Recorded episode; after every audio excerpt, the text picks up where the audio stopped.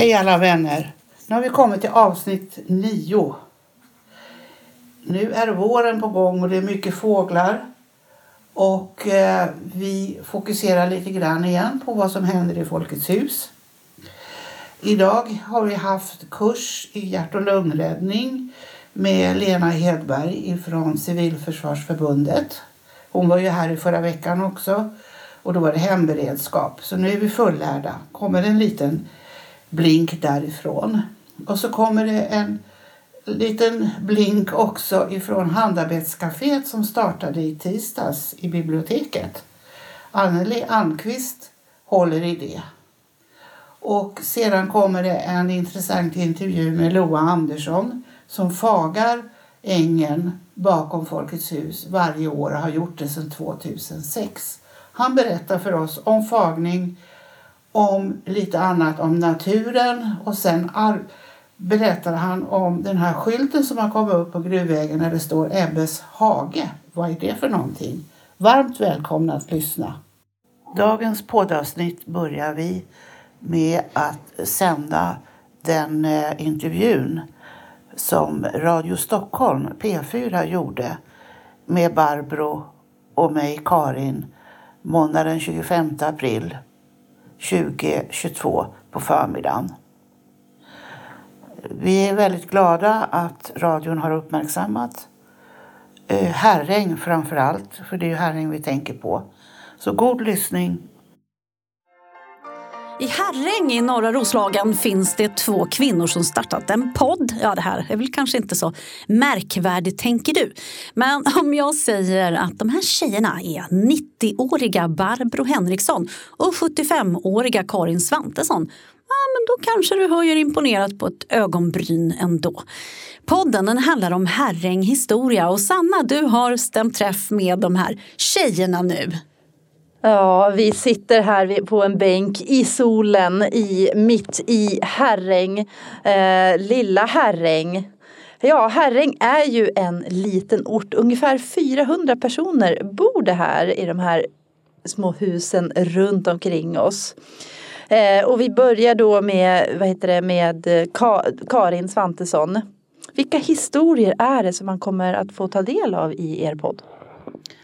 Eh, historierna ligger som grund i Kulturcirkelns podd och i Geostory-appen. Och ut, där har vi lagt in 23 olika historier om Herräng och Herrängs historia. Därefter kom vi på att oj, vi har bara börjat att nosa på historien. Och då satte vi igång och gör den här podden som heter Vykort ifrån Herräng.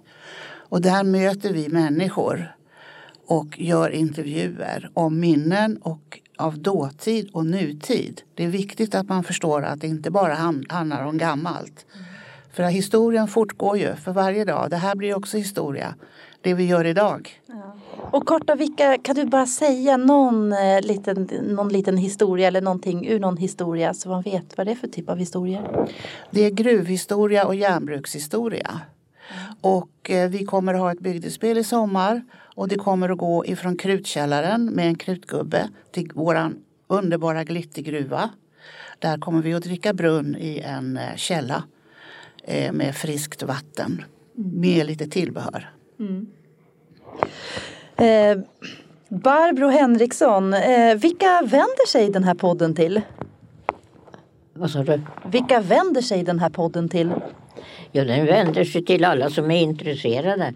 Så att det är ju inte bara Hörringsbor. Alltså det, det, den tiden som, som vi pratar om och så, de människorna finns kanske inte kvar idag, så många av va? den generationen. Som, som jag tillhör då, så att säga.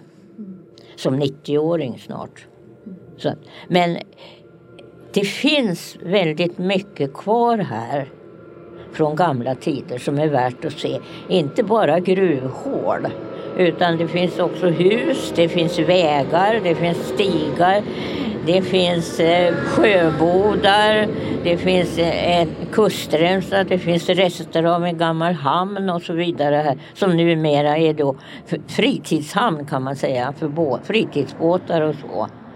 Barbro, du har ju också sagt i en intervju i Norrtälje Tidning att det inte alltid är så lätt att få eh, ortsborna här att öppna sig. V- varför tror du att det är så? Därför att man aldrig haft möjlighet att göra det förut. Man har inte den vanan inne. Det, jag är tacksam över att jag i unga och mina föräldrar tyckte att Barbro, är det nu någonting du vill här i livet så måste du acceptera att flytta härifrån några år. Så att säga. Men, men eh, alla återvänder ju inte. Men, men eh, eftersom jag har med mig väldigt mycket ifrån mina föräldrar också och från min uppväxt här så återvänder jag hit. Därför att det var, det var här det var här man blev den Barbro som, som man sen har försökt att behålla under hela livet. Och då blir jag nyfiken, kan du berätta om den här omtalade, omtalade Herrängsandan? Ja, eh, den är som på alla andra ställen så är Herrängsandan på gott och ont skulle jag vilja säga. Men eh, det, det, fanns, det fanns olika bostadsområden här i Herräng. Det fanns Hensvik, det fanns Udden, det fanns någonting som vi kallar för Snobbrännan. Och där bodde ingenjörer och, och de som hade lite att säga till om i, i, i bruket och sjöfarten här. Va? Så att, och det var lite grann av vattentäta skott emellan de här. Alltså var man, var man en unge från Hensviksområde med flerfamiljshus och så, ja då var man det. Men fördelen med att vara det, en sån herringsunge, det var ju det att man fick en bredare, ska man säga, upplevelse av hur det var att leva i Herräng. Som jag kommer ihåg det. De, de lekar som vi lekte då, innan man hade börjat skolan. Det var ju, det var ju en spegel av de, det familjeliv som man levde faktiskt.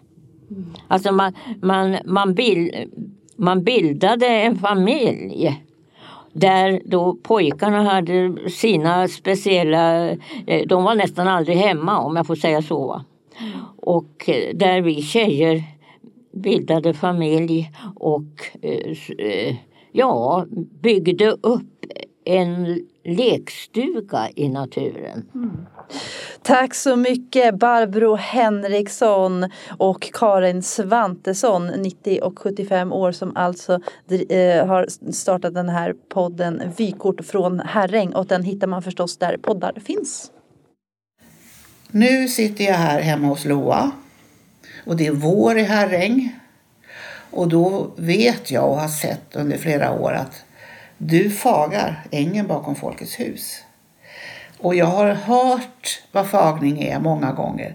Och nu vill jag att många fler ska få göra det. Och då ska du få berätta din, din motivering till att du har börjat göra det. Hur lång tid du har hållit på. Och eh, vad det egentligen betyder för naturen. Välkommen Loa. Tack så mycket Karin. Välkommen hit får jag säga då. Ja, vi kan väl börja med någonstans då att om vi går tillbaka till då när gruvbrytningen började i Herräng. Det är ungefär nästan, det är snart 450 år sedan. Och man hade djur. Och de måste ju ha vinterfoder under vintern. Och därför så anlade man slåtterängar på många ställen, bland annat mellan Blåkaren och nuvarande Folkets hus. Och den slåtterängen fick jag då en förfrågan om av dåvarande kommunekologen Magnus Bergström, det var år 2006, om jag kunde tänka mig att upparbeta den här gamla ängen och försöka få fart på den igen. Det var så allting började. Mm.